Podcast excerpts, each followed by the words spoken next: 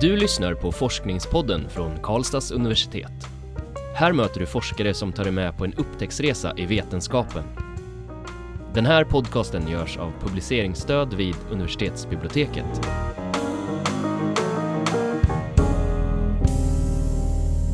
Välkommen till Forskningspoddens specialserie om genus och jämställdhet i akademin, från ord till handling.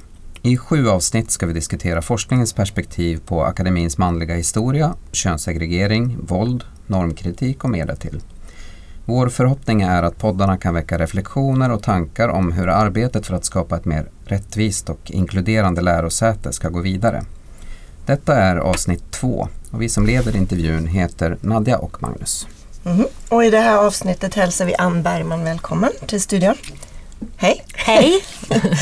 eh, du är disputerat i arbetsvetenskap och är sedan flera år professor i arbetsvetenskap här på Karlstads universitet och har ganska många års erfarenhet av forskning om till exempel arbetsorganisation, arbetsvillkor, könssegregering i arbetslivet och om relation mellan arbetsliv och familjeliv. Och det ska vi prata om idag.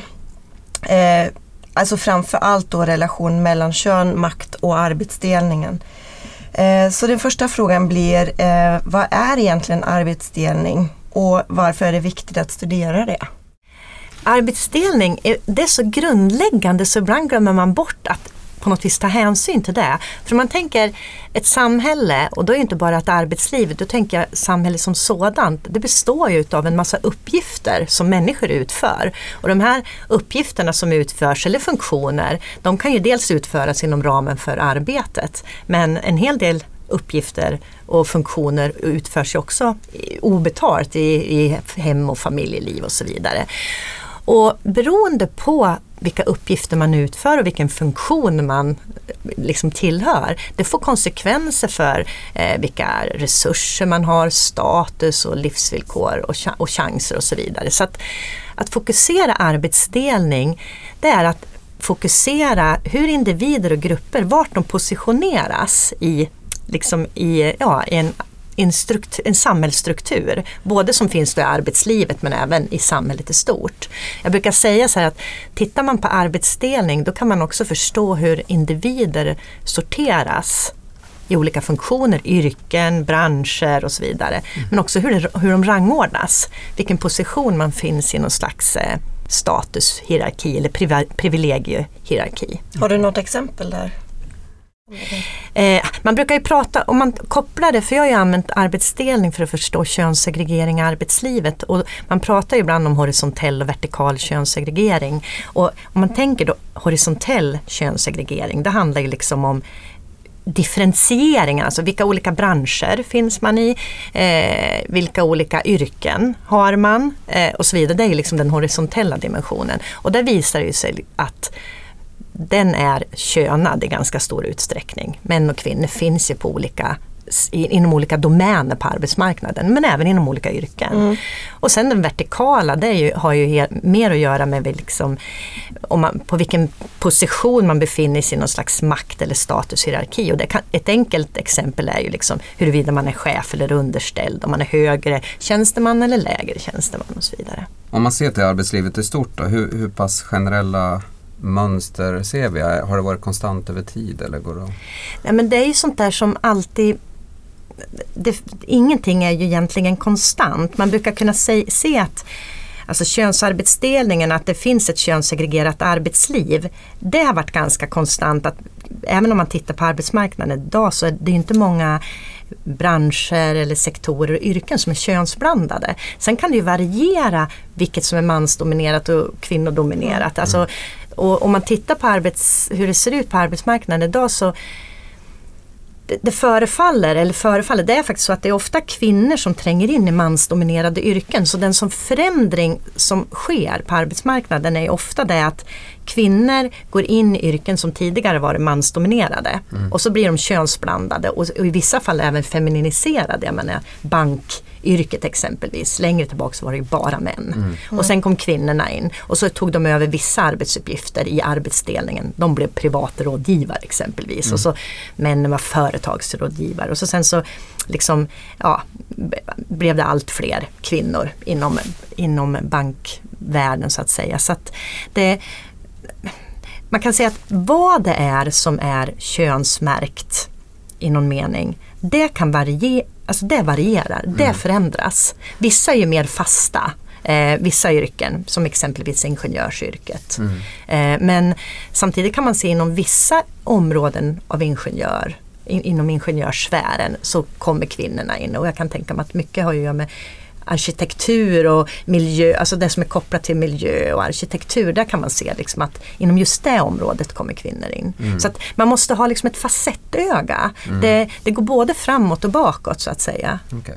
Men samtidigt är vi ju segregerad på arbetsmarknaden om man tittar Alltså män och kvinnor finns i olika sektorer och hela offentlig sektor är ju exempelvis köns eller kvinnodominerad. Mm. Så att det, det, återigen, man får, man får nog vara ganska när man pratar om det här med en könssegregerad arbetsmarknad och jämställdhet eller, eller jämlikhet mellan könen så kan det kan vara det i ett avseende men inte i ett annat. Så om man skulle titta på kvinnors och mäns eh, ekonomiska självständighet eller så vidare, då är vi ju hyfsat jämställda. Mm. Även om det finns en skillnad där också. Men om man tittar var på arbetsmarknaden kvinnor och män arbetar, då kan man se att där sker en sortering. Ja.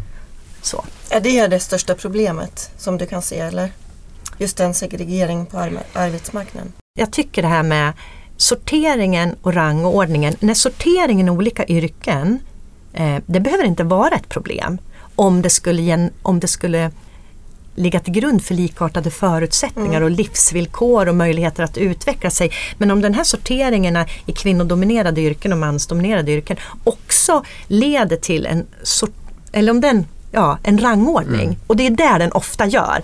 Att man skiljs åt, kvinnor och män skiljs åt legitimerar att det också blir en statusskillnad mm. i de här. Och det är ju alltså den här eh, rangordningsprincipen den ligger ju till grund för ja, som jag sa tidigare, liksom möjligheter att ackumulera resurser. Eller, det är också det som ligger till grund för hur man värderas. Har man ett högt värde eller ett, ett lägre värde? Mm. Det får ju konsekvenser för ens handlingsfrihet helt enkelt. Mm. Hur, hur, ser det ut? Jag tänker du har så lång erfarenhet av att forskat inom det här fältet och så. Va, va, har du några sådana där checka one-liners eh, när det gäller resultat? Vad har du sett i din egen forskning eh, som är kopplat till de här frågorna? Eh, en sån här dimension det är ju att alltså, in, alltså könsblandning, att vara lika många är ju inte alls samma sak som att ha samma livschanser inom ramen för arbetslivet. Mm. Eh, alltså att, att någonting som då upplevs inte andelsmässigt integrerat kan ju vara villkorsmässigt otroligt könssegregerat. Vad jag vill se, vad, låt säga att vi har en avdelning, vi kan ha en arbetsplats, här jobbar lika många kvinnor och män. Eller vi kan ha en avdelning, här jobbar lika många kvinnor och män. Vad bra, vi är jämställda.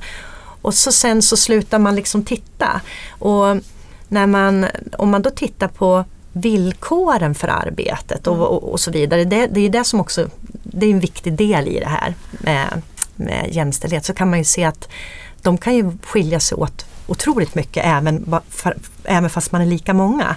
Och det, där skulle jag vilja gå tillbaks och titta på, eh, för det studerade jag min avhandling och det visade sig att de, de avdelningar och organisationer där det var lika många kvinnor och män, de var ju, det var ju där det förekom mest könssegregering vad det gäller möjligheter till ut, vidareutbildning, mm. lön och så vidare. Sånt mm. som hade med arbetsvillkoren att göra. Eh, där kvinnor hade mindre inflytande och möjlighet att kunna påverka sitt arbete och så vidare. Mm. Så jag tror att ibland känner jag så här att ja, men vi släpper det här med 50-50 okay. och så kollar vi och så studerar vi vad har kvinnor och män för faktiska möjligheter inom ramen för sitt arbete. Att ha schyssta arbetsvillkor, rimliga arbetskrav, möjlighet att kunna påverka, bra support från kollegor och chefer och, och, ett, ett, och hur man då värderas. Värdet blir ju ofta då lönen man, mm. man får eller även erkännande och att man blir liksom respekterad. Alla de sakerna är ju någon slags belöning. Mm. Eh, och det tror jag skulle kunna det visar andra saker.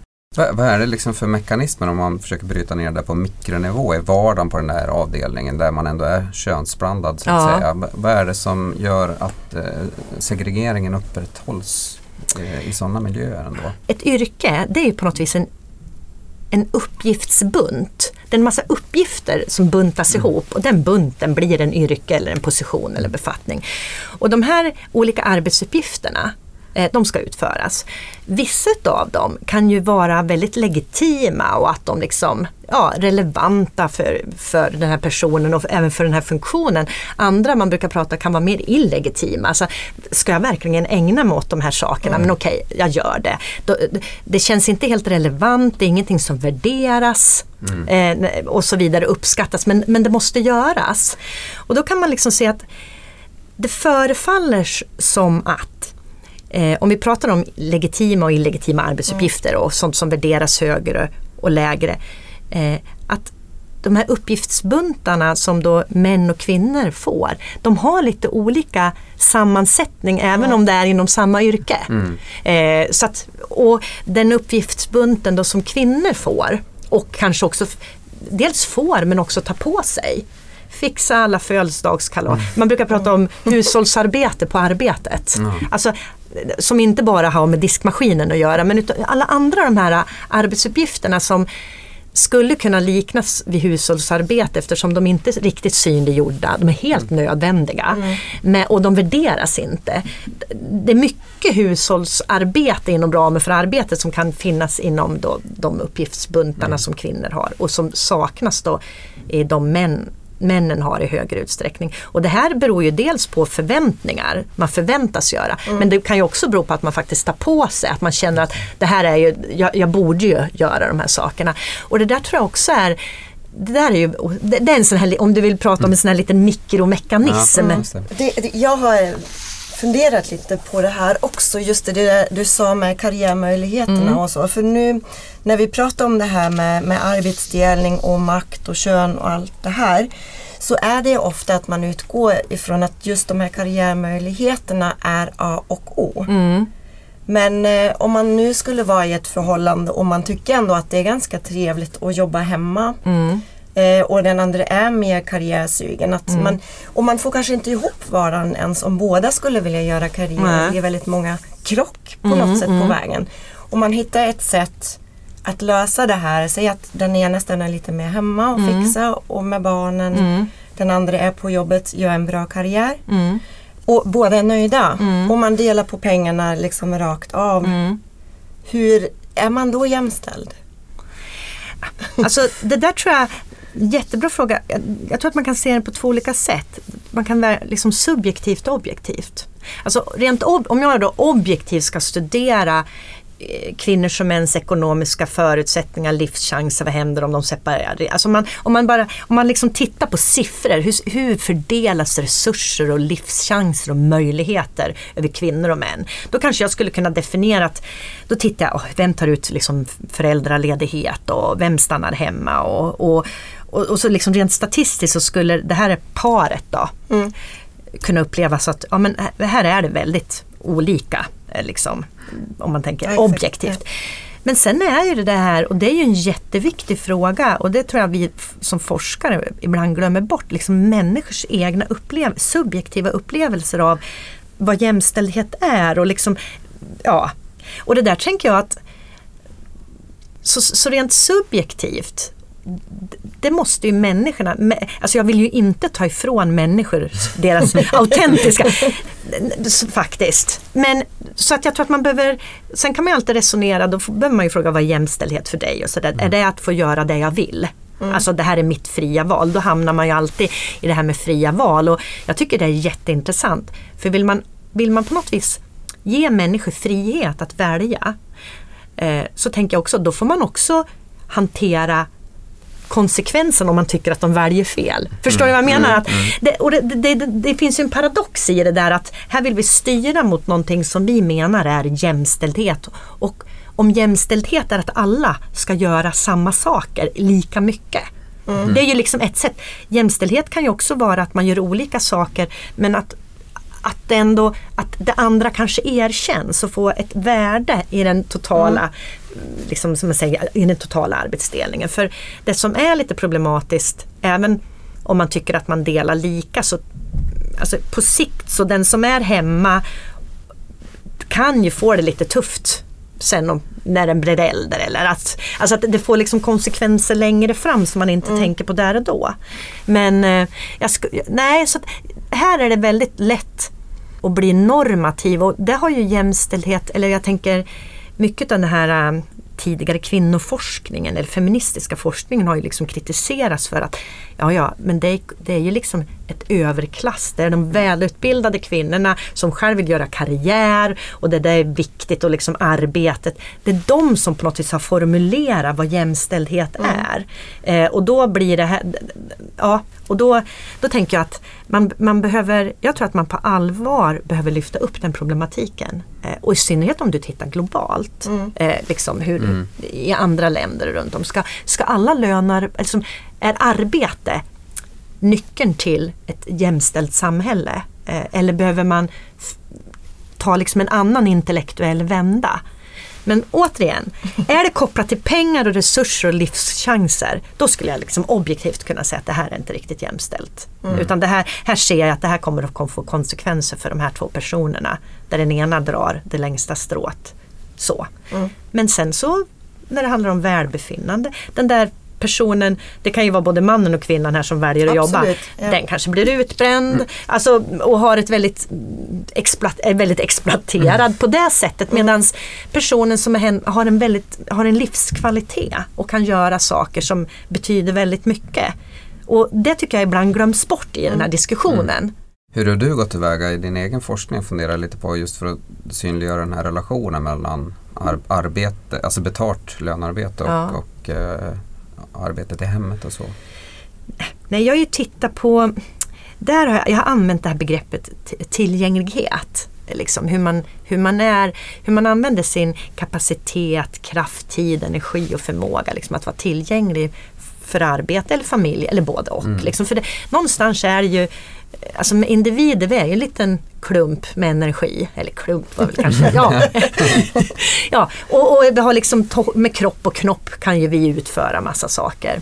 Och beroende på hur vi både väljer eller mer eller mindre tvingas använda den på olika sfärer får ju liksom konsekvenser mm. återigen för, för vilka möjligheter och välbefinnande. Och det visar ju sig att alltså, är man tillgänglig för sitt arbete då är, det boostar ju karriär exempelvis. Mm. De som är tillgängliga i tid och rum, alltså, ja, det, det, det, får konsekvenser för lön och utvecklingsmöjligheter. Eh, så det kan man ju se. Och då blir det att den ena dimensionen är, utav det här blir ju att vill arbetslivet ha multitillgängliga arbetstagare? Alltså om det blir ett, en kvalifikation det står ju inte liksom vilka kvalifikationer har det. Den och den utbildningen och, och liksom de erfarenheterna. Det står ju aldrig någonstans att multitillgänglighet, vi vill liksom att du ska vara totalt frikopplade tid och rum för våra syften, åka på tjänsteresor och så vidare. Men om det i praktiken är ett kriterie eh, på vilket du bedöms som, ja men det här är en lojal, committad, engagerad, någon som vill någonting. Eh, ja, att, att vilja någonting, om det likställs med att vara liksom totalt fokuserad på arbetet, då är vi ju, har vi ju problem. Mm. Eh, tycker jag. Mm. Så det är liksom den ena dimensionen, om det, blir, om det blir en sorteringsmekanism. För då kommer vi att sortera bort väldigt många kompetenta personer som kanske har lite mer tudelad mm. alltså prioritering. Eh, så dels det och så sen har man ju också sett att det är ju som du var inne på tidigare eftersom även familjen är ju en girig institution brukar man ju prata om. I synnerhet om, de, om man har mindre barn och så vidare som är sjuka när man minst anar. Och, ja, det, det, går liksom inte att förutse vad som ska hända på något vis. Det är ju också en girig institution som liksom kräver tid och energi och kapacitet och så vidare. Och commitment framförallt. Men då, så det blir ju liksom om, om den ene då tar det största lasset för att vara då tillgänglig för sin familj så, så, så frigör ju den eh, den andra partnern. Och där har ju, mm. Traditionellt sett har ju kvinnor varit tillgängliga för familjen och utfört de arbeten som liksom, eller de funktioner som ska utföras där. Och det har frigjort mannens tillgänglighet för arbete. Mm. Men nu har ju det här, alltså jag brukar säga könsmakt under förhandling. Det skaver ju lite grann för vi har ju både då liksom en tvåförsörjarmodell mm. men också en, vad ska man säga, en två omsorgstagarmodell. Mm. Att vi, och, och det här håller ju på att omförhandlas nu. Mm. Vem, vems tid är viktig? Vem, vem ska vara var? Och vill jag vara på båda ställen och, och så vidare. Så jag tror att det här är ju väldigt spännande det som händer här och nu och att man, att man faktiskt att, att, familj, att familj och privatliv får liksom lite mer utrymme även inom ramen för arbetslivet.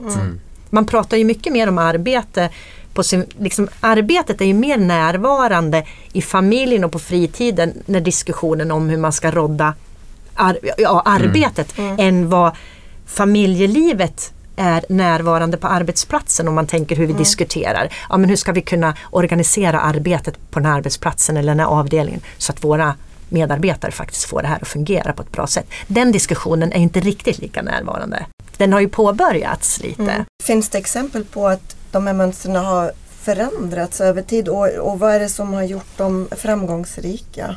visst händer det saker, det gör det. Och man kan ju också se att det kvinnor, men återigen, när man pratar om förändringar på arbetsmarknaden så skulle jag vilja säga att de består i ganska hög utsträckning av att det är kvinnor som kommer in på tidigare mansdominerade eh, yrken eller branscher. Den rörelsen är mycket vanligare än att man ser att det är män som går in i tidigare kvinnodominerade eh, yrken. Och det, även om man liksom försöker få, ja, som barnskötare och inom vård och omsorg, att man vill liksom få in män där samtidigt som man vill få in kvinnor som ingenjörer. Men det, det, ja, det, det, det- det kan man nog säga att eh, det, det är fortfarande kvinnorna i högre utsträckning som liksom träder in i mansdominerade yrken.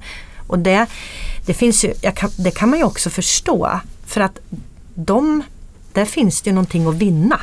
Du får bättre lön, alltså lite högre status.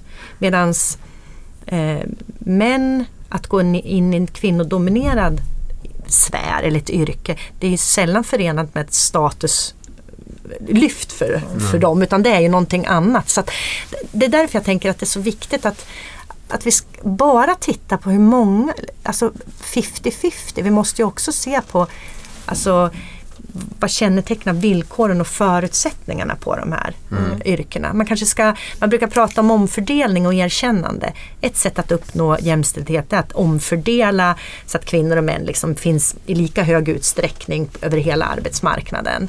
Eh, det andra som är erkännande det är att man snarare resonerar i att ja, jäm, jämställ, jämlikhet kan ju också bygga på olikhet, att man finns i olika sektorer. Men det, det, de måste erkännas. Ofta är ju då det kvinnodominerande behöver liksom ett erkännande och en statushöjning. Det kan ju vara lika mycket jämställdhet.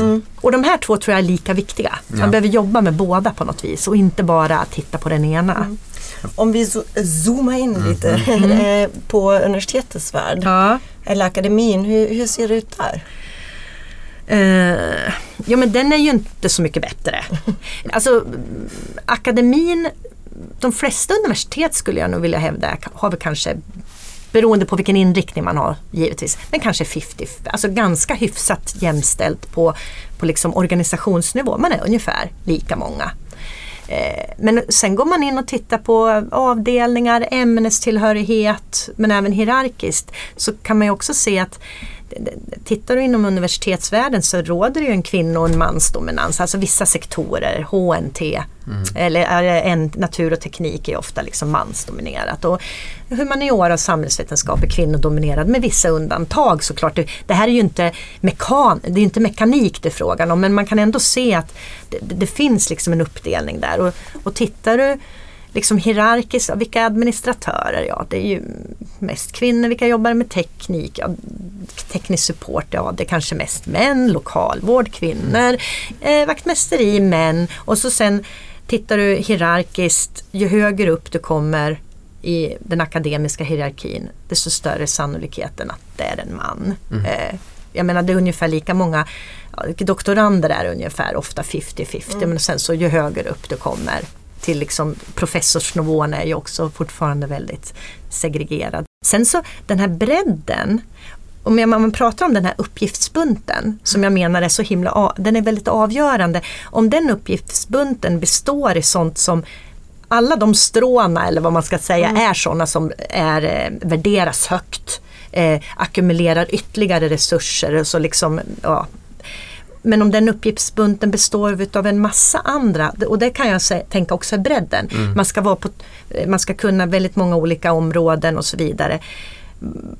I, jag skulle nog vilja säga att när det, den här uppgiftsbunten blir bredare och bredare det är otroligt värdefullt skulle jag kunna tänka för universitetet som arbetsplats. För att man har människor som liksom kan förhålla sig, se helheter. För det, det finns nog ett värde att kunna se helheter men om den bredden inte den som premieras och värderas. Mm. Det är det jag menar, man pratar om akademiskt hushållsarbete och obetalt. Man gör en massa saker som är viktiga och liksom universitetet skulle kanske rämna mm. i sina grundvalar om inte det funkar. Men det, det liksom boostar inte ja, det värderas inte och när jag säger värde här så handlar det inte alltid om, alltid om lön. Lön är givetvis en sak men det handlar ju också om erkännande, möjligheter att utveckla. Det finns ju andra sätt att bli belönad i sitt arbete än, än lönen såklart. Även om det hänger ihop. Men jag tänker också att om, ja, om inte ja, det, det respekteras, erkänns och ger ytterligare förutsättningar till utveckling. Liksom, är det här en resurs som jag har nytta utav? Mm. Nu låter det här väldigt mm. krasst men och där tänker jag att här finns det en, en konflikt som jag tror många kanske känner av det inom akademin. Alltså ska jag göra alla de här sakerna eller ska jag fokusera? Och det är ju när man, när man på något vis pratar, om man nu ska prata arbetsmiljö så upplever ju många inom akademin det är alldeles för fragmentariserat. Man gör tusen olika saker och vi, vi liksom ska springa på alla bollar och, och alltihop det här. Eh, men det kanske är också att någonstans kan man väl säga att det finns också ett behov att ska, ska det här utföras? Eh, eller inte och vem ska då utföra det? Och då tror jag de som smalnar av eh, det är ju det, då menar jag att då finns man i någon slags möjlighetsstruktur eller privilegiestruktur mm. och som också kommer att liksom gynna eh, ja, karriär och, och, så vidare. Och jag brukar säga det till, till studenterna när man pratar om det här med vara framgångsrik eller duktig eller erkänd. Massa, att är, det, är det individen i sig, eller så här ska jag säga, Villkor och förutsättningar ligger till grund för vad vi kan utföra. Mina arbetsvillkor, vad jag har för mycket tid och resurser, hur mycket jag hinner läsa, vilka människor jag mm. träffar och vilka jag kan prata med och liksom utbyta tankar. Och hur mycket tid jag kan ägna åt det. Det kommer ju liksom ligger till grund för vad jag kan utföra. Sen mm. om det är att mm. skriva eller forska eller föreläsa, det spelar egentligen ingen roll. Men om de och de här förutsättningarna ser ju väldigt olika ut på ett universitet. Hur mycket resurser har både individer och grupper? Så, och det betyder ju, alltså det förstår ju vem som helst, det betyder att vi kan prestera olika. Men om alla mäts med samma måttstock, alltså att ja, vi mäter output, vi mäter vad personer åstadkommer, men vi bryr oss inte i förutsättningarna. Det blir ett logiskt felslut för då tror man ju att om man inte om man inte tänker förutsättningar, villkor och möjligheter utan bara tänker den här individen har gjort det eller mm. gruppen. Mm. Då tror man på något vis att det är individerna och grupperna som i sig är så väldans bra. Medan man liksom bortser från det som har gjort dem mm. bra. Och det är här kan man ju koppla då till kön. För om man tittar över, historiskt sett så är det precis det som har hänt att det har ju varit så olika förutsättningar mm. för kvinnor och män. Men man har bara liksom sett resultatet. Ja men titta, de är inte lika bra i det här och det här avseendet. Så att det tror jag är jätte som arbetslivsforskare då, det här är ju min enögdhet. Jag, jag, mm. jag ser ju ofta på, på villkor och så vidare. Men jag tror att det, det är det som ligger till grund för vad mm. man faktiskt kan göra. Mm. Hur, vilken är din, jag vet att det kanske inte är ditt forskningsområde egentligen, men vilken uppfattning om hur, medvet, hur medvetenheten ser ut på lärosätena om de här uppgiftsbuntarna och innehållet i dem så att säga. Eh, pratas det om det, är man, har man koll på, på det? På lärosätena? Ja, jag tror att man försöker nog eh, jag vet faktiskt det. Om jag ska vara riktigt ärlig så så visst det finns ju befattningsbeskrivningar och sånt där. Det, det finns liksom en, en, ett formellt liksom, verktyg kring det här. Men jag tror inte att man på allvar har satt sig ner och funderat på Alltså vem är det som utför vad och mm. vad är det som värderas? Det har ju gjorts i och för sig vissa försök. Eh, jag tänker att man ska att man gör det här karriärspåret för lärare, meriterad mm meriterad lärare är ju ett sätt att erkänna den uppgiftsbunten. Mm. De, de arbetsuppgifter som, som lär, de som fokuserar mest på undervisning gör och som mm. på något vis inte hinner forska, att det på något vis ska, ska uppvärderas. uppvärderas. Och det är ju ett sånt sätt. Så jag tror att visst, det, det försiggår lite men jag tror att det här skulle man kunna man skulle kunna bli än bättre på det. För och det, handlar om, det här handlar om hela organiseringen av arbetet för att jag tänker de här uppgiftsbuntarna är det så att vissa får väldigt stora buntar och disparata mm. eh, det, det, är ju orga, det är ju liksom organisationens ansvar. Är det för lite folk? Varför, varför, ska, varför ser de här uppgiftsbuntarna ut som de gör? Vad är en rimlig uppgift? Uppgiftsbunt för människor att kunna hantera. Och det är då jag tänker den här diskussionen om legitima och illegitima arbetsuppgifter. De här, de här arbetsuppgifterna ska jag göra, de här ska Ann göra.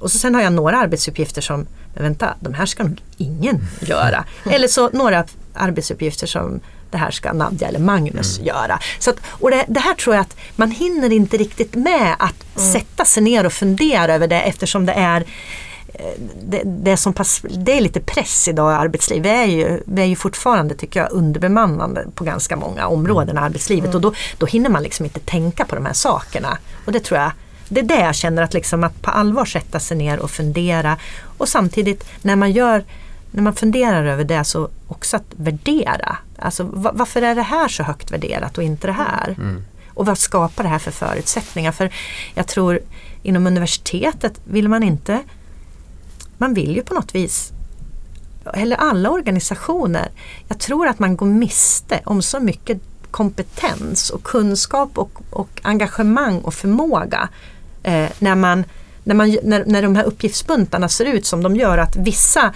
liksom blir mer privilegierade och liksom kan löpa den linan och, mm. och, och på något hela vägen ut. Och så blir det normen. Att en mm. lyckad person är den som har ja, kanske gjort så, här, si och så många publiceringar och skrivit si och så många forskningsansökningar. Men folk då som är minst lika duktiga men som ägnar sig väldigt mycket åt andra arbetsuppgifter. De kommer ju aldrig, aldrig någonsin att liksom ha den möjligheten. Och jag tror att det är ett resursslöseri av gigantiskt mått måste jag säga. Det låter som ett väldigt bra konkret tips till oss hur vi kan jobba vidare. Titta mer på uppgiftsbuntarna och få en mm. helhetsbild på det. Eh, har du några andra tips och råd till, till oss här på KAO? Eller är det någonting som du ser som nödvändigt, eh, sådär, speciellt borde prioriteras för att liksom bryta den könsarbetsdelning som du ser och så?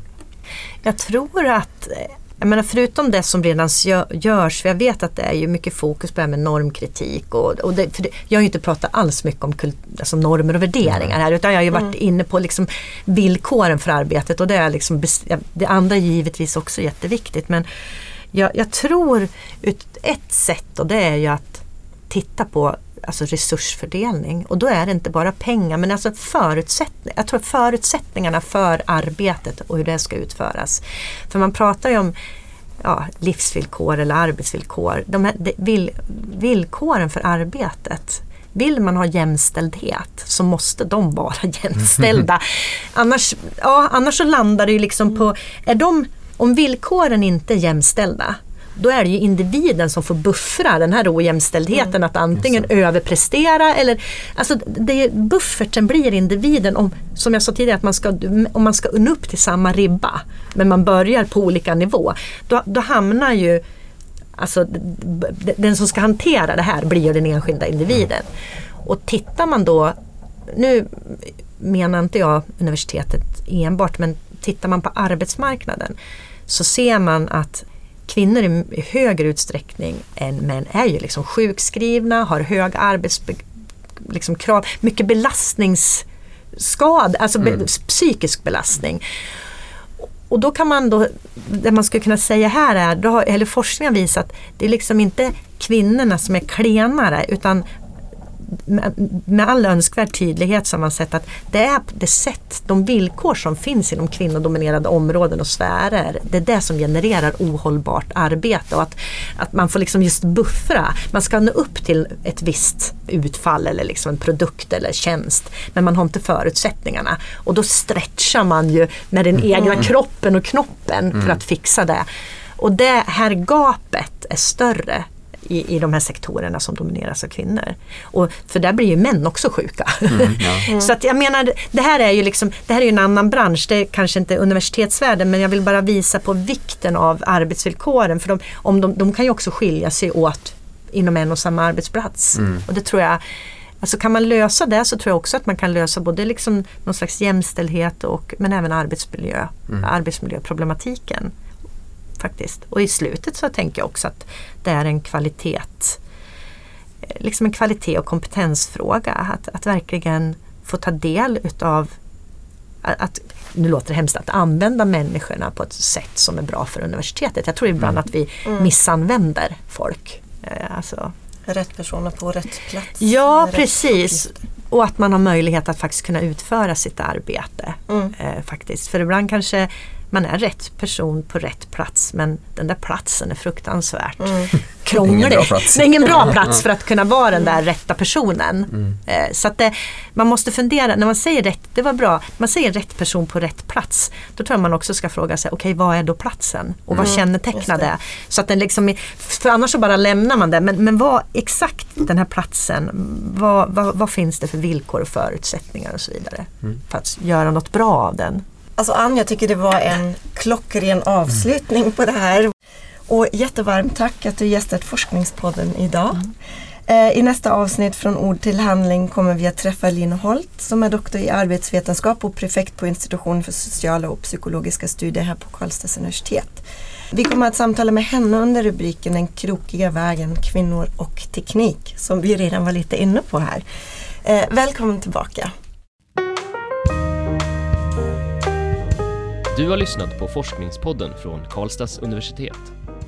Den här podcasten görs av publiceringsstöd vid universitetsbiblioteket. Alla avsnitt hittar du på kau.se forskningspodden.